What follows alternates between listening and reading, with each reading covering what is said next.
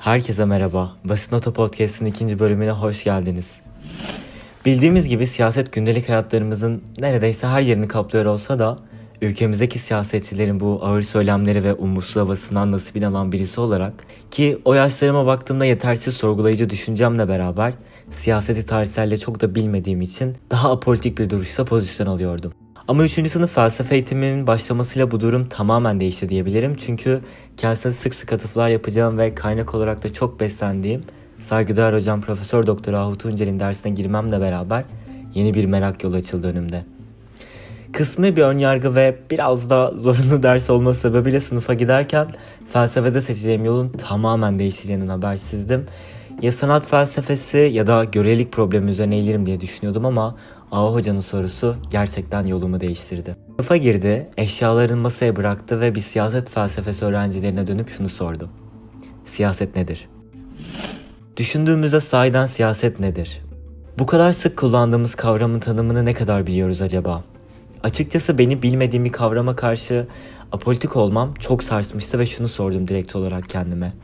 Daha ne kadar çok kavramın elini bilmeden yaşıyorum? Dersler ilerledikçe bu kavramın ve kaçılmaz olarak karşımıza çıkacak özgürlük, hak, devlet gibi kavramların tanımını ortaya koymadıkça üzerimize uygulanan sınır çizgilerin aslında ne kadar körüleştirici olduğunu da gözlemledim. İlk olarak şu sorudan başlayalım. Siyaset nedir? En yalın söylemle siyaset, insanlar arası ilişkilerdir. Yani insanlar arasında gerçekleşen sosyal, kültürel, ekonomik ve benzeri gibi tüm ilişkiler siyasetin kendisidir.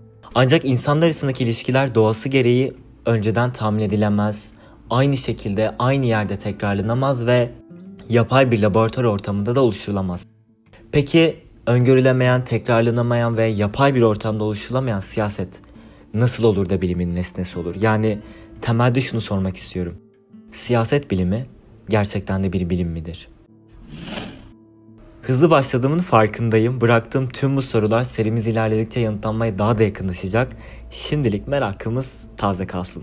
Bu podcast'te Platon'un siyaset felsefesine dalacağız ki bildiğimiz gibi siyaset felsefesinin kurucularından ve demokrasi eleştirisine en büyük darbelerden birisini indiren Platon, hocası Sokrates'in de görüşlerinden etkilenerek felsefenin yüzünün insana dönük olması, yani merkezinde insanın yer aldığı bir felsefenin gerekliliğini savunur. Platon için iyi bir insandan söz edebilmemiz için iyi bir siyasal örgütlenme de gereklidir. Ve böylelikle düşüncesinin merkezine polisi yani herkesin bir arada yaşadığı şehir devletini koyar. Böyle bir durumda da soruşturmamız gereken şey öncelikle polis yani devletin bilgisidir. Ve Platon için bu bilgiyi yalnızca filozof bilebilir. Böyle bakıldığında Platon'un felsefesi siyaset felsefesi olarak da sahneye çıkmıştır diyebiliriz. Ama temel sorumuz şu olmalı her zaman nasıl iyi bir toplumdan söz edebiliriz?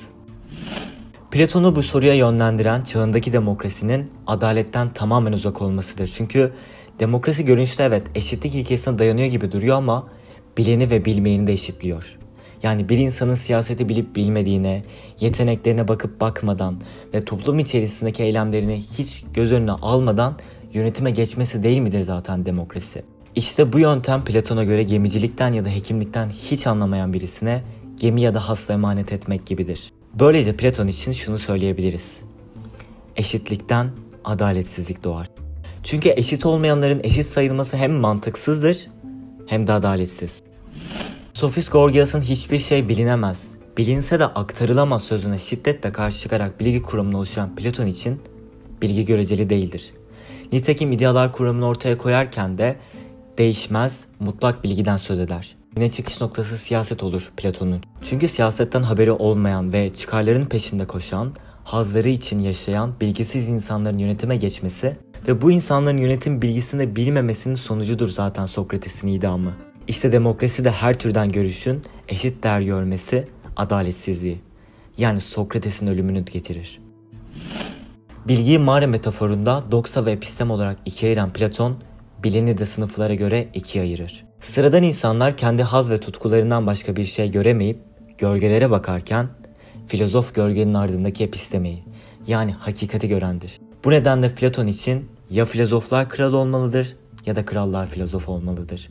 Bu noktada Platon teknokrat bir yönetimin yani sadece uzmanın işi yönettiği bir yönetim biçiminde kapılarını bizlere açar. Bu açıdan bakıldığında mükemmel bir sistem gibi görülebilir. Çünkü bir iş varsa onu sadece uzmanı yapıyor.